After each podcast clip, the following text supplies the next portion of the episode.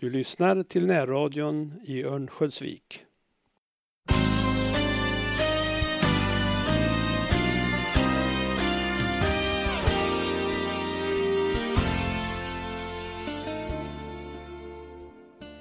Välkommen till radion Olaskogs och Semesterpratarna. Vi sänder varje dag under juli och augusti klockan 7, 9, 16 och 21 på frekvenserna 89,8 eller 105,7 MHz. Du kan också lyssna i efterhand på samtliga tidigare program via poddradion. Den, liksom vår app, hittar du på vår hemsida www.radioovik.se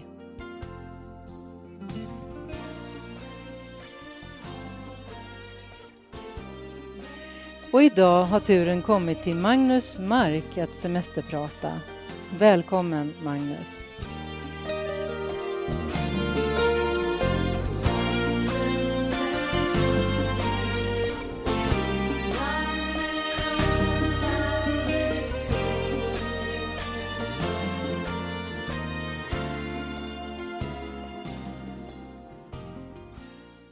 Oxvägen 16, fem över halv åtta på morgonen.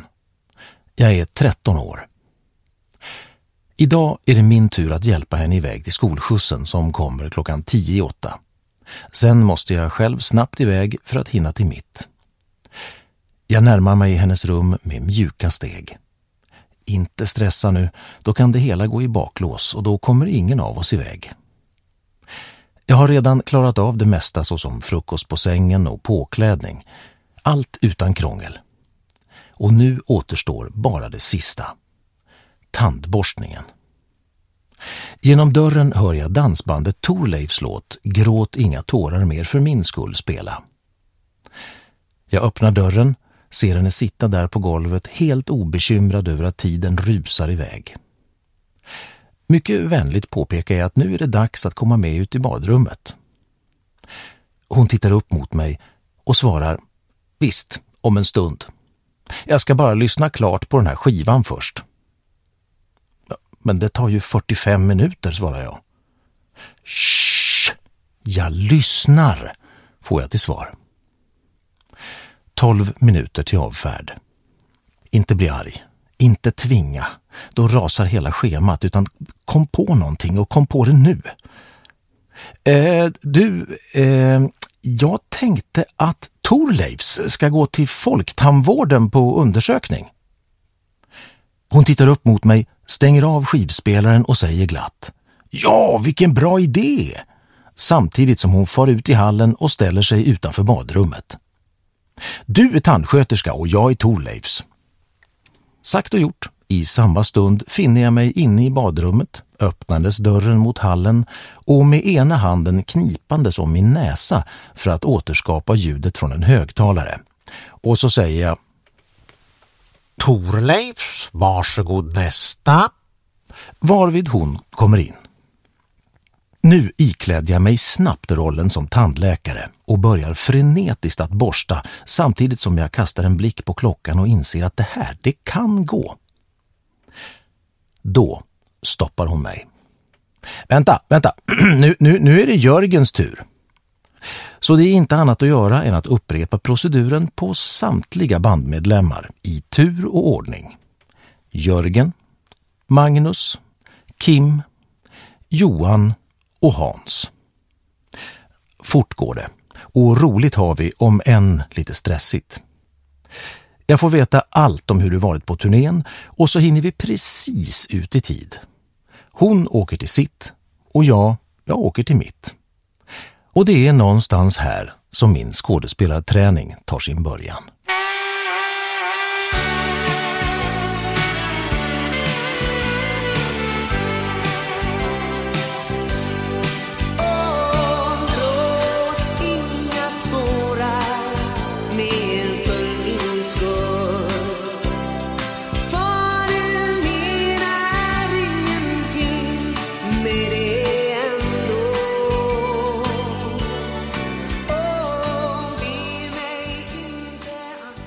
Jag heter Magnus Mark, jag är 52 år och sedan mer än 30 år utflugen Öviksbo.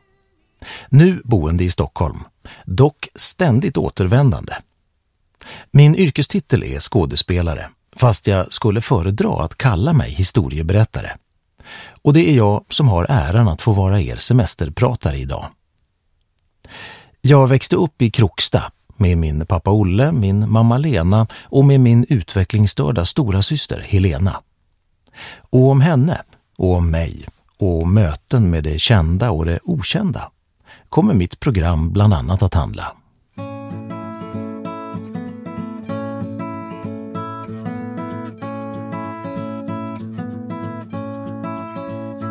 Dear Marie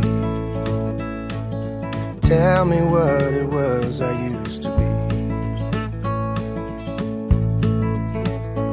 dear Marie Tell me what it was I used to be And if you're further up the road, can you show me what I still can't see? Remember me. I'm the boy you used to love when you were 15.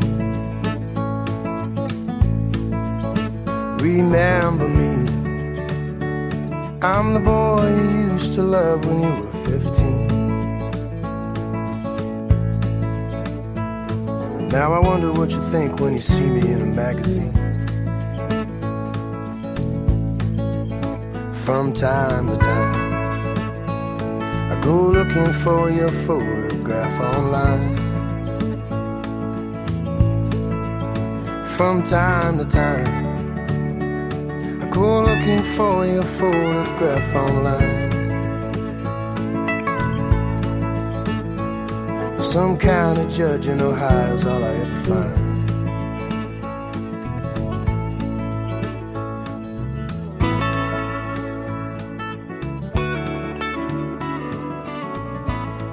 För er som nu funderar på vem jag är och vad jag har gjort i mitt yrke som ni kan ha sett eller hört, så kommer här några exempel.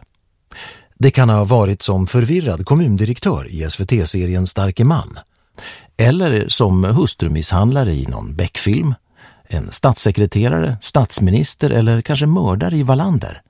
Röst i otaliga tecknade filmer och reklamsammanhang eller nu senast som ond gynekolog i Fröken Frimans krig.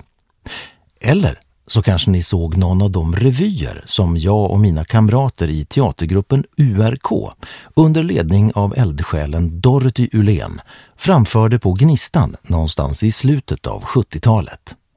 URK stod för Ungdomens Röda Kors och eventuella vinster från föreställningarna gick oavkortat dit. Det var ett fantastiskt forum för att kunna prova på teater som uttrycksform.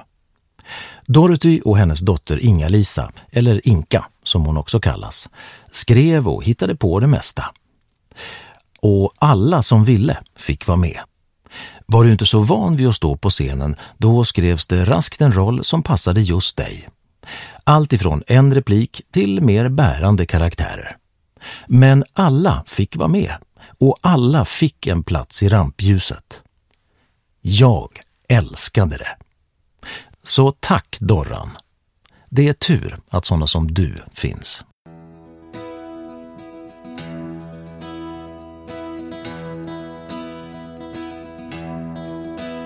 Oh, as I came in by Strickentune one misty morning early, and a lassie's settlement or a tool of no returning.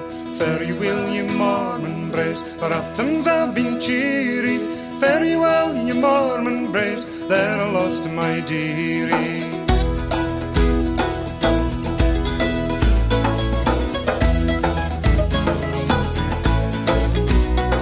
Well, I'll put on a Guna Green. It's a forsaken token to tell the laddies around about that the bonds of love are broken. Fare you will, ye Mormon braves, for aftons that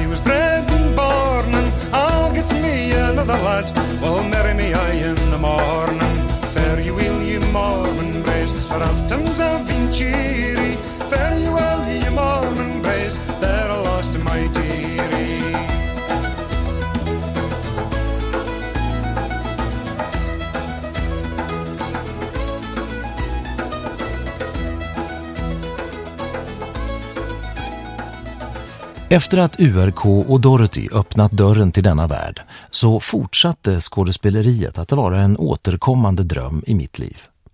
Och tanken på att kanske en dag få ha det som yrke började växa. Jag hade bland annat en fantasi om hur det hela skulle gå till. Jag skulle befinna mig på Östermalms tunnelbanestation i Stockholm och där se hur en gammal man kliver av tåget med en portfölj i handen. Men när han kommer ut på perrongen så öppnas hans väska av misstag och en massa papper faller ut. Jag rusar fram och börjar hjälpa till med att samla ihop dem. Och så när vi står där på knä, mitt emot varandra, så möts våra blickar. Och det är då jag ser vem det är. Karl Gustav Lindstedt. Som säger Men herregud pojk! Du är ju begåvad! Alltså dig, dig ska jag hjälpa in vid teatern. Ja, nu gick det inte riktigt till så. Utan vägen fram till Teaterhögskolan och yrket bestod snarare av ganska mycket hårt arbete, vilja och som alltid tillfälligheter. Så i all korthet. Efter Dorothy läste jag dramatik på Nolaskolan under kära Barbro Bylunds ledning. Efter värnplikten i Östersund sökte jag och kom in på Skara skolscen. Sen flyttade jag till Stockholm och jobbade som piccolo på hotell, sålde tv och stereo i radiobutiker samtidigt som jag sökte jobb på alla teatrar som jag kunde komma på. Och så fick jag av en sällsam slump jobb på Dramaten som en slags lyxstatist, eller figurant som det heter, i Ingmar Bergmans uppsättning av Hamlet som sen åkte på världsturné till Florens, London, New York, Tokyo och Moskva. Samtidigt som jag under den här tiden sökte in på de tre teaterhögskolor som då fanns i Stockholm, Malmö och Göteborg. Livet lekte. Jag hade fantastiskt roligt. Då dör Helena efter en kort tids sjukdom.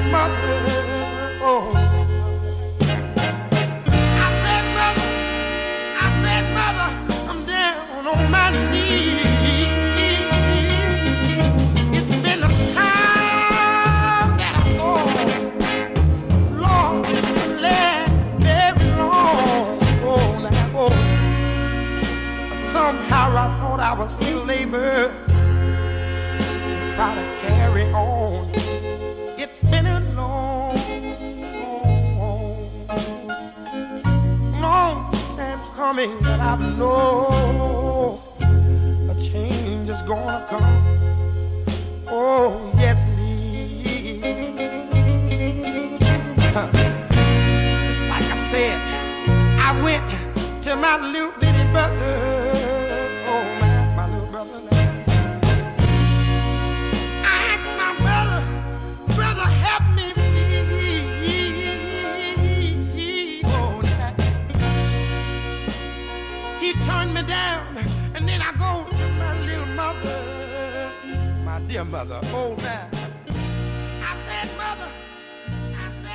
Min syster Helena, ja.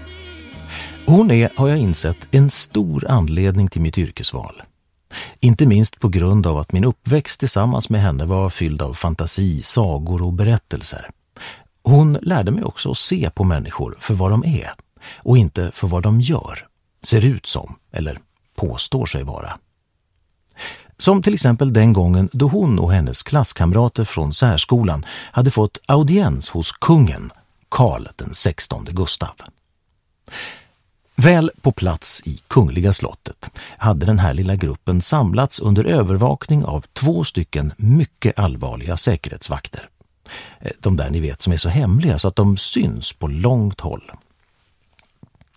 Så långt var allt frid och fröjd och spänningen ökade inför varje minut som gick. Oturligt nog var det så att kungen just denna dag var något försenad, vilket är lite svårt att förklara för en grupp mycket förväntansfulla människor som inte kan klockan, men som däremot är sprickfärdiga likt barn i väntan på jultomten. Så när kungen äntligen kliver in i rummet där de står har Helena väntat länge nog. Hon rusar kort och gott rakt fram till majestätet, kastar sig om dennes hals, utdelar en stor kram och utbrister från djupet av sitt hjärta. Hej kungen! Säkerhetsvakterna har förstås inte kunnat förutse detta kärleksattentat, så innan de hunnit reagera är Helena åter på plats i gruppen, mycket nöjd med att ha fått träffa sin idol. Väl hemma igen så frågar vi henne när hon berättat detta. Men vad sa kungen när du gjorde så? Kungen, svarade hon. Ja, han sa hej på dig själv du. Några månader senare var det Eriksgata i Övik. Eh, jag frågade henne förstås om hon ville åka in och titta. Men eh, då gäspade hon mig rakt i ansiktet och sa Nej, jag träffade honom en gång, det räcker. Hon lyckades på något sätt alltid hitta någonting gott hos alla hon mötte.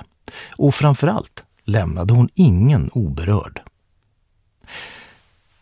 Att det sen inte alltid är helt okomplicerat att vara syskon till någon som är i behov av så mycket omvårdnad och uppmärksamhet, det är en annan sak. Men jag känner idag en stor tacksamhet över att det var som det var.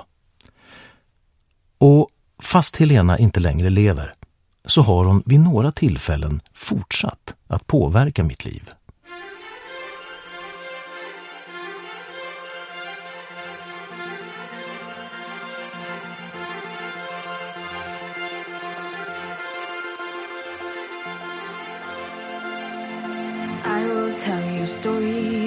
Die.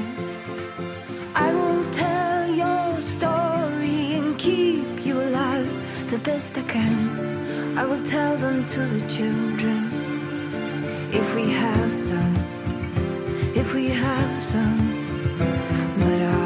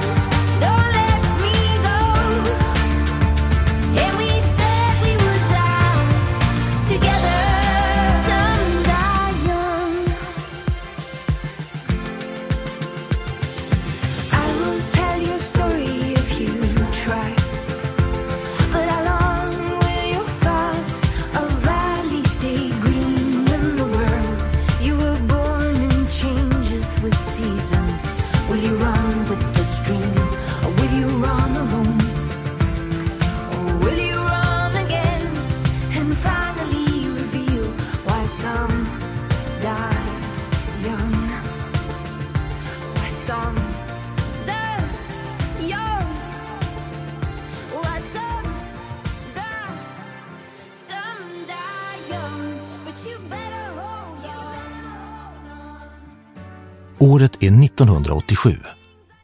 Jag har lyckats ta mig fram till det fjärde och sista provet på Teaterhögskolan i Göteborg. Av de drygt 500 som sökte så är vi nu 16 stycken kvar och av dem ska nu hälften bort. Jag är fruktansvärt trött efter att ha manglats i olika provsituationer under de tre dagar som det fjärde provet har pågått. Det som nu står framför mig är det allra sista som ska göras. Sen är det bara att vänta och hoppas att det räckte till. Att jag blir en av de åtta lyckliga som kom in genom nålsögat. Jag har kvällen innan bland annat fått i uppgift att med åtta fysiska handlingar av typen öppna en dörr, sätt dig på en stol, tänd ett ljus och så vidare. Berätta en ordlös historia inför juryn. Vi vill inte se några clowner, var det sista som sades. Jag har under natten bestämt mig för att min historia är att jag ska gå in på Helenas rum, leta efter några saker som jag kan ta med mig som minne av henne och att det här är den absolut sista möjligheten att kunna göra det. För när jag sen stänger dörren igen så kommer allt att brinna upp. Jag sitter utanför scenen och försöker koncentrera mig men det är svårt. Tankarna åker fram och tillbaka. Jag blir mer och mer nervös. Och så öppnas dörren till scenen. Mitt namn ropas upp. Det är nu eller aldrig. Väl bakom kulisserna så står jag vid en rekvisitadörr som hålls fast med järnklumpar vid golvet. Du kan börja när du är redo, hörs det från juryn där utanför. Jag känner mig helt tom. Men jag inser att jag måste öppna dörren och sätta igång. Jag lägger min hand på dörrhandtaget. Och det är då som det händer. Plötsligt så känner jag hur Helena står bredvid mig och viskar med sin glada röst i mitt öra. Äh, nu ska vi spela teater, Magnus. Det är ju kul ju. Nervositeten rinner av mig som genom ett trollslag. Min hand öppnar dörren, jag går in, allt blir verklighet. Och jag gör mitt livs viktigaste entré.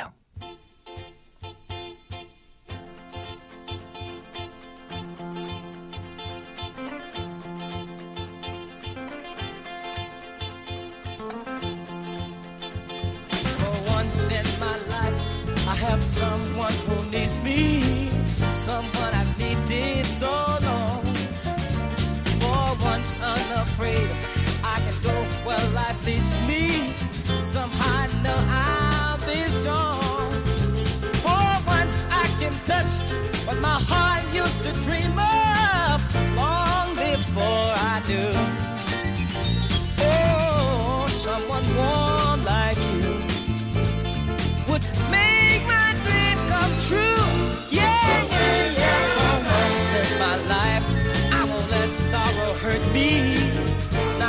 It's hurt me before. For once, I have something I know won't desert me. I'm not alone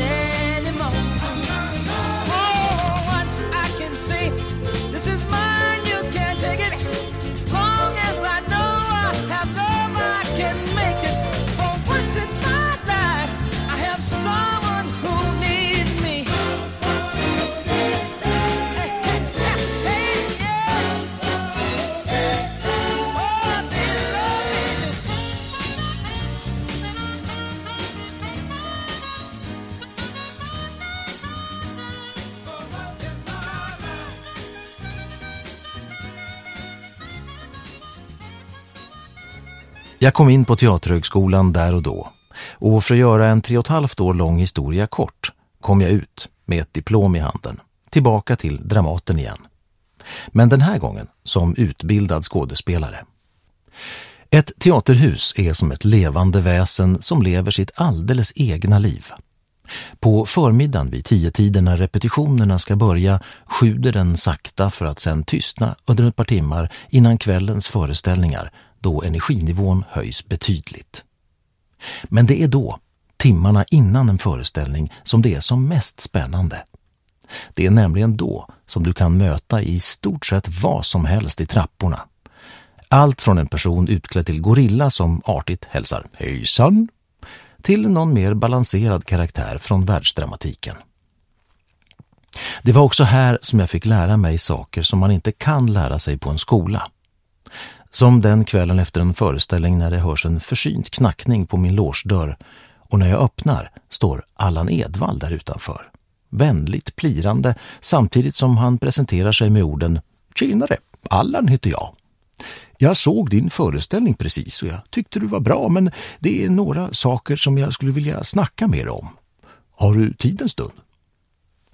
Eh, ja, visst, stammar jag fram. Jag ska bara...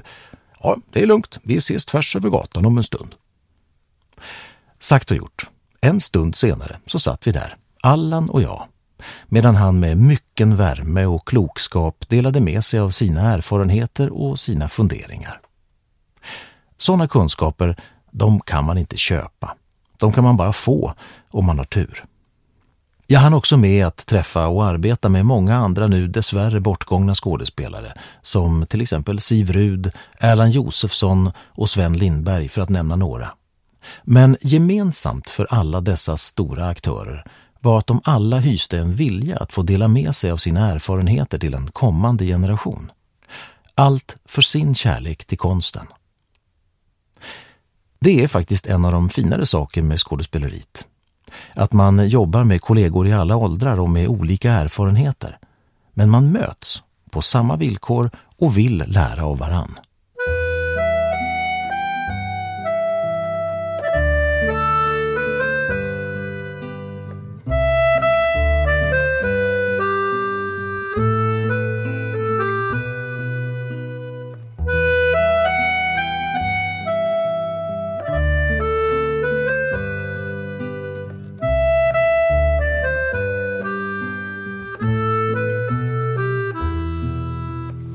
Sov mitt lilla hjärta roligt i din bädd. Inte vara ängslig, inte vara rädd. Ty i svarta natten över skog och mark, över vida vatten vaktar farbror stark. Han har skarpa ögon och en stor kanon och han släpper ingen jävel över bron. Kommer man för nära sätter farbror stopp försvarande sin ära varhelst han dyker upp. Sov mitt lilla hjärta och roligt i din bädd. Inte vara ängslig inte vara rädd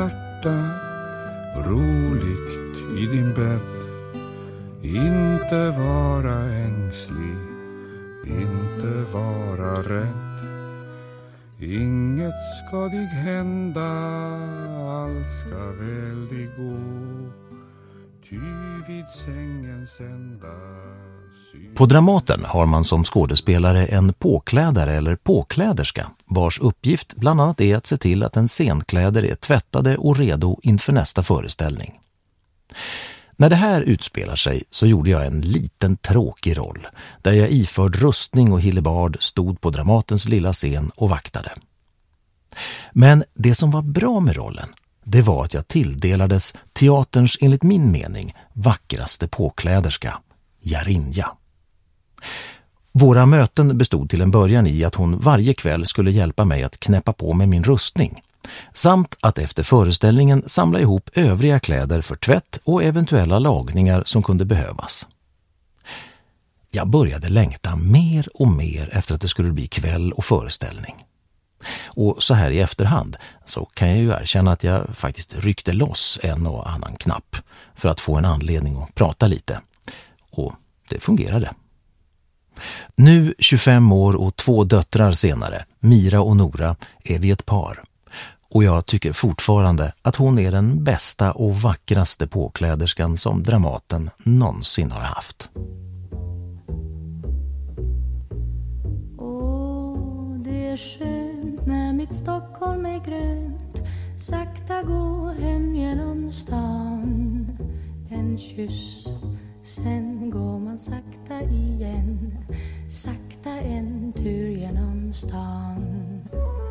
Och det är natt och på avstånd och skratt Och man går hem genom stan.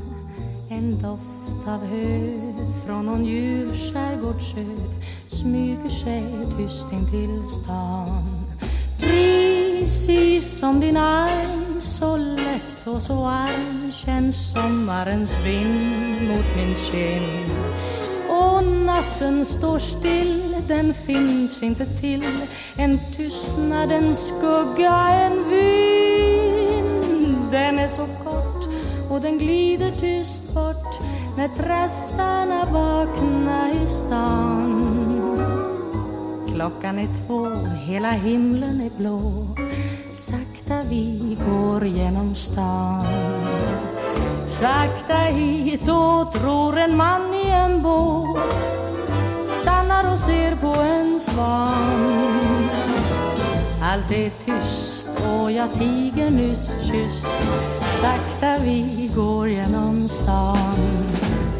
På Västerbron i den himmelska ron En spårvagn går ensam och tom.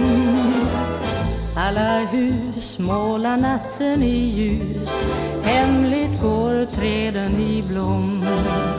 Här bor en miljon, säg hör de den ton Som Stockholm nu spelar för dem. De far härifrån, långt bort härifrån Men Stockholm det är ju vårt hem Vart vi än går vet jag Stockholm är vår När vi går hem genom stan Du lyssnar på Radio Nolaskogs och jag som sommarpratar idag heter Magnus Mark. Och för dig som är nytillkommen lyssnare så kan jag berätta att jag precis har mött min blivande fru på Dramaten i början av 90-talet. Efter cirka två år på den Kungliga Dramatiska Teatern fick jag med mig det bästa och gick vidare mot nya äventyr. Jarinja hade under flera år dansat afrikansk dans och nu blev hon erbjuden att åka med på en dansresa till Guinea-Conakry på Afrikas västkust. Aldrig i livet, inte en chans att jag åker på semester till någon by i Afrika och blir magsjuk och får malaria. Glöm det, du, du får åka själv i så fall, hörde jag mig själv säga. Och strax därefter var vi på väg. Från huvudstaden Conakry till den lilla byn Bel Air som ligger där djungeln slutar och havet tar vid. En liten by med bambutaksklädda lerhyddor, en brunn och ett träd i mitten och så en smal, smal stig som löper ner till havet. Efter två veckor i Guinea hade jag haft de mest omtumlande upplevelser. Som att inse att vatten är bland det dyrbaraste vi har. Att pengar är helt meningslösa om det inte finns några affärer att handla i. Och att ta bort begreppet tid som en fungerande faktor i livet. Dessutom fick jag uppleva en fantastisk vänskap från alla i byn. Men det var speciellt en person som kom att stå mig nära. Morlai Soma. Han fungerade lite som allt i allo och fixade till oss besökare. Han var en mycket sympatisk, hjärtlig och hjälpsam person som man kunde vända sig till med det mesta. Så det föll sig ganska naturligt för mig att även hjälpa honom så gott jag kunde. Och på så sätt uppstod en vänskap mellan oss. Och det var också han som kom att ge mig mitt livs hittills mest speciella julklapp.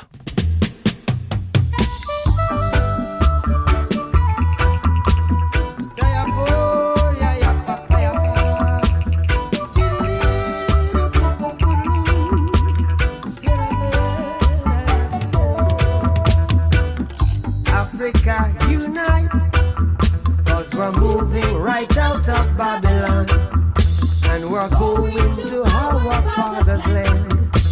Yeah, how good and how pleasant.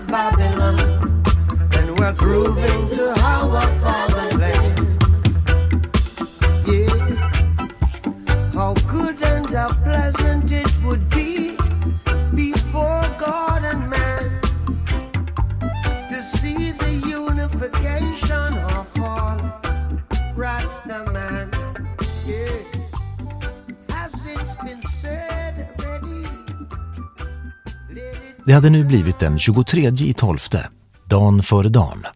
Och vi hade lämnat Bel Air för att fira julen i en annan by som heter Katibini. I Katibini bodde bland annat Morlais mormor som senare skulle visa sig vara Guineas mest berömda medicinkvinna. Efter ett par timmars resa kommer vi fram till en mycket välskött och prydlig by med en tydlig linje där man såg var byns yttre gränser började och slutade. Utanför denna övergick det hela i en tätnande djungel.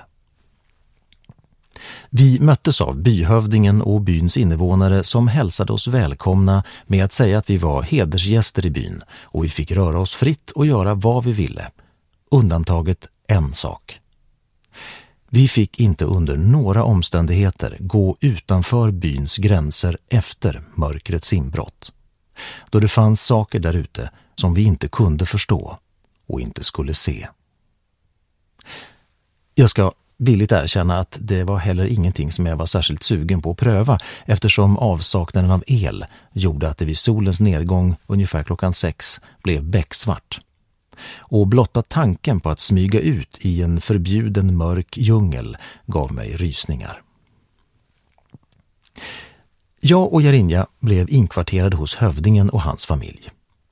Vi blev sen tilldelade en hopsnickrad träsäng över vilken vi spände upp vårt moskitnät och somnade. Efter att ha vaknat mitt i natten i totalt mörker, helt övertygade om att skorpioner eller ormar var anledningen till de krafsande och skrapande ljuden vi hörde, så vaknade vi tillsammans med de höns som bodde under vår säng.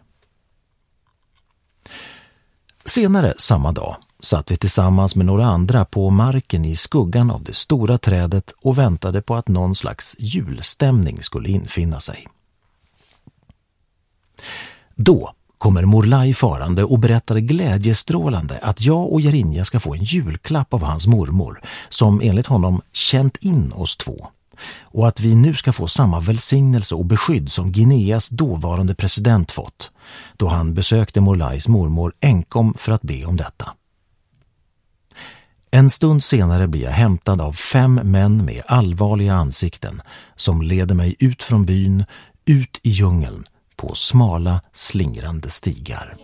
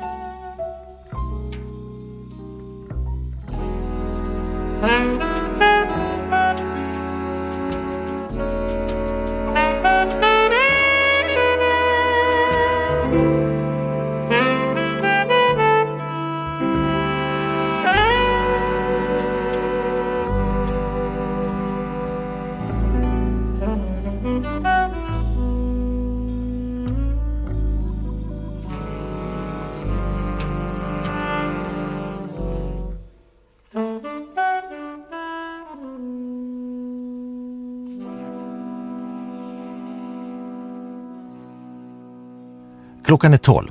Det är 30 grader varmt och julafton. Jag går med huvudet nerböjt på en stig genom Guineas täta djungel.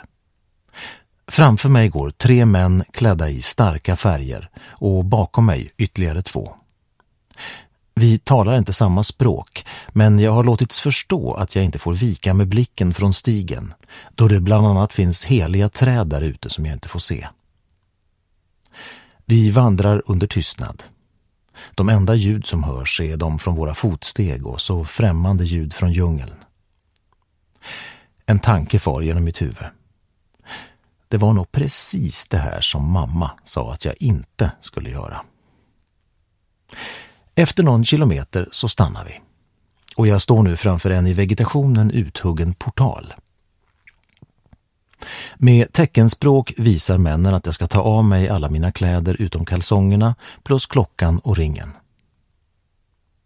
En av männen leder mig in genom portalen och jag befinner mig på en uthuggen rektangulär yta, stor som en halv fotbollsplan ungefär. Det som finns där är ett träd som står sparat i mitten och nere i det högra hörnet en liten lerhydda. Mannen placerar mig i skuggan av trädet, bugar och lämnar mig. Jag väntar och väntar. Det är ungefär 30 grader varmt, helt vindstilla och efter kanske 10 minuter, en kvart som känts betydligt längre ser jag hur tre stycken gamla kvinnor kommer ut ur hyddan iklädda fantastiska tyger. Knallröda turbaner och guldfärgade smycken som står i en tydlig kontrast till deras vackra, mörka, rynkiga ansikten. En av kvinnorna kommer emot mig och leder mig sedan ner till hyddan där ritualen börjar.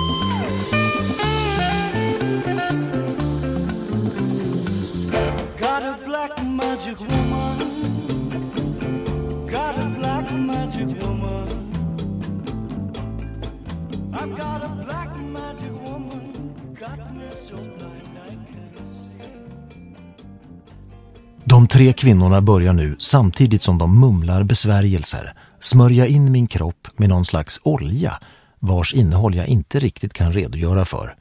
Men en inte helt angenäm doft av någonting påminnande om geturin, det känner jag igen.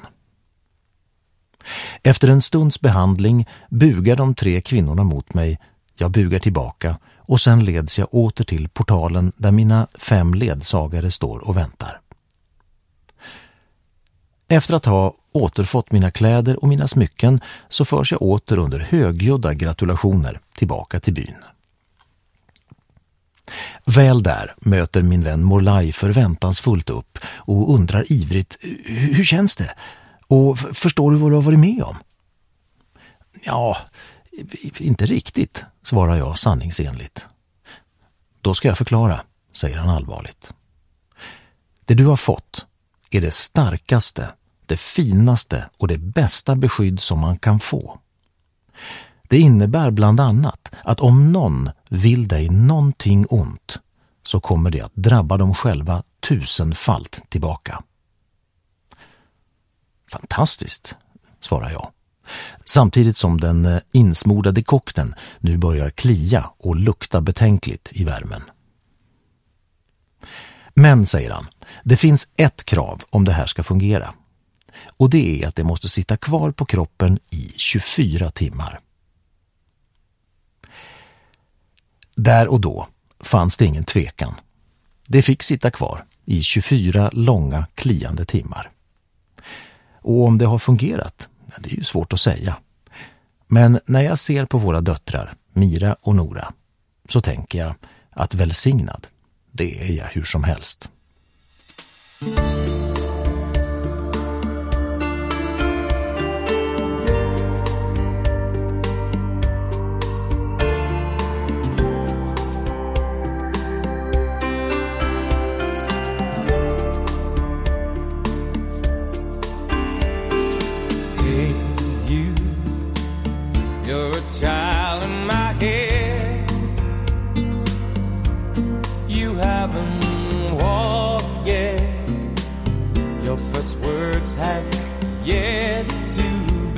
Be said. But I swear you'll be blessed. I know you're still just a dream.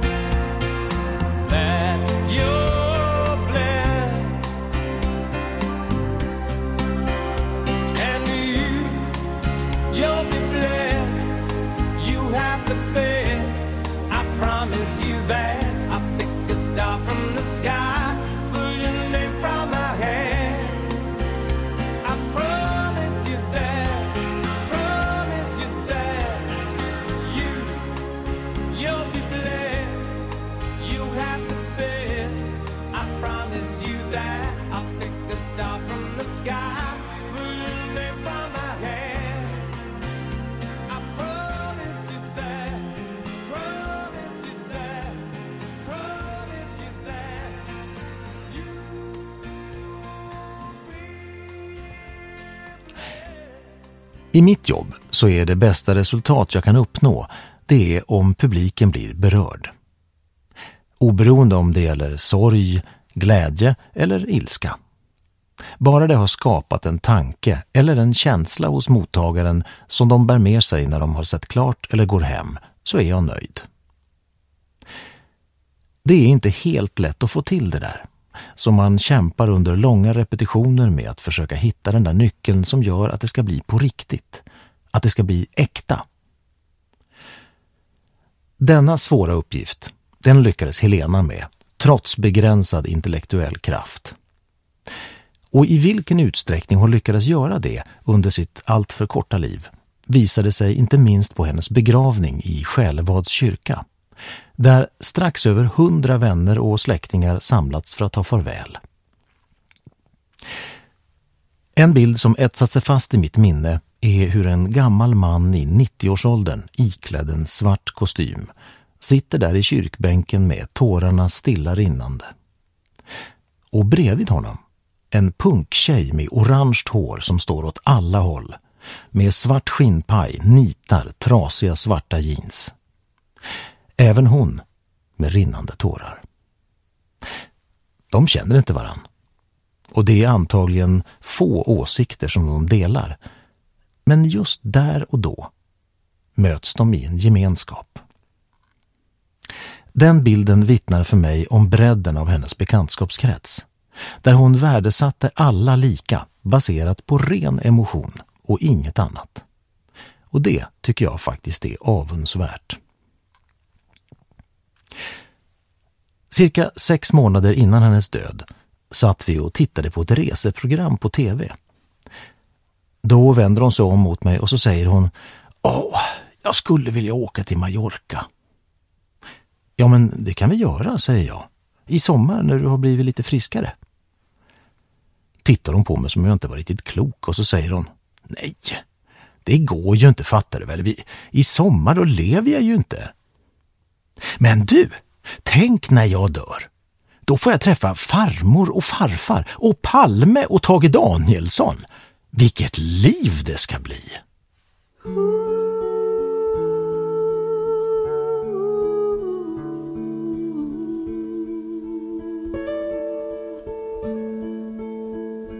You remember me when the west wind moves among the fields of barley. You can tell the sun in his jealous sky when we walked in fields of gold. So she took her love for to gaze a while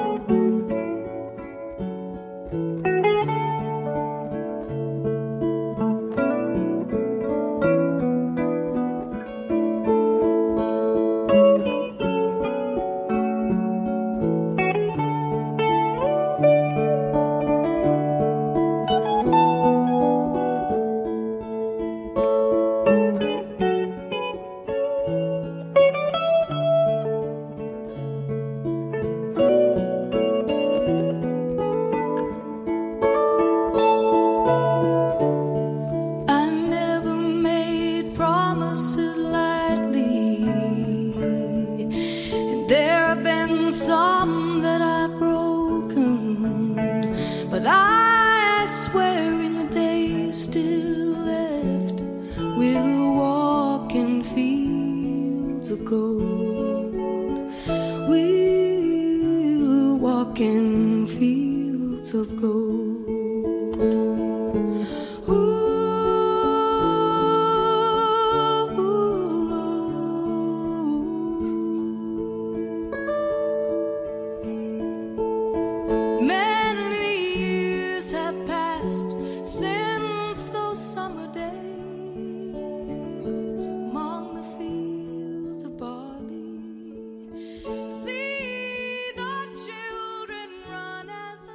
Så till sist har jag en önskan till er som har lyssnat. När programmet nu är slut, ta tag i första bästa som ni hittar, ge vederbörande en stor kram och så säger ni Vilken tur att du finns! För det, det skulle Helena ha gjort. Och avslutningsvis så kommer här Gråt inga tårar mer för min skull med Torleifs. Bandet som har Sveriges mest välborstade tänder.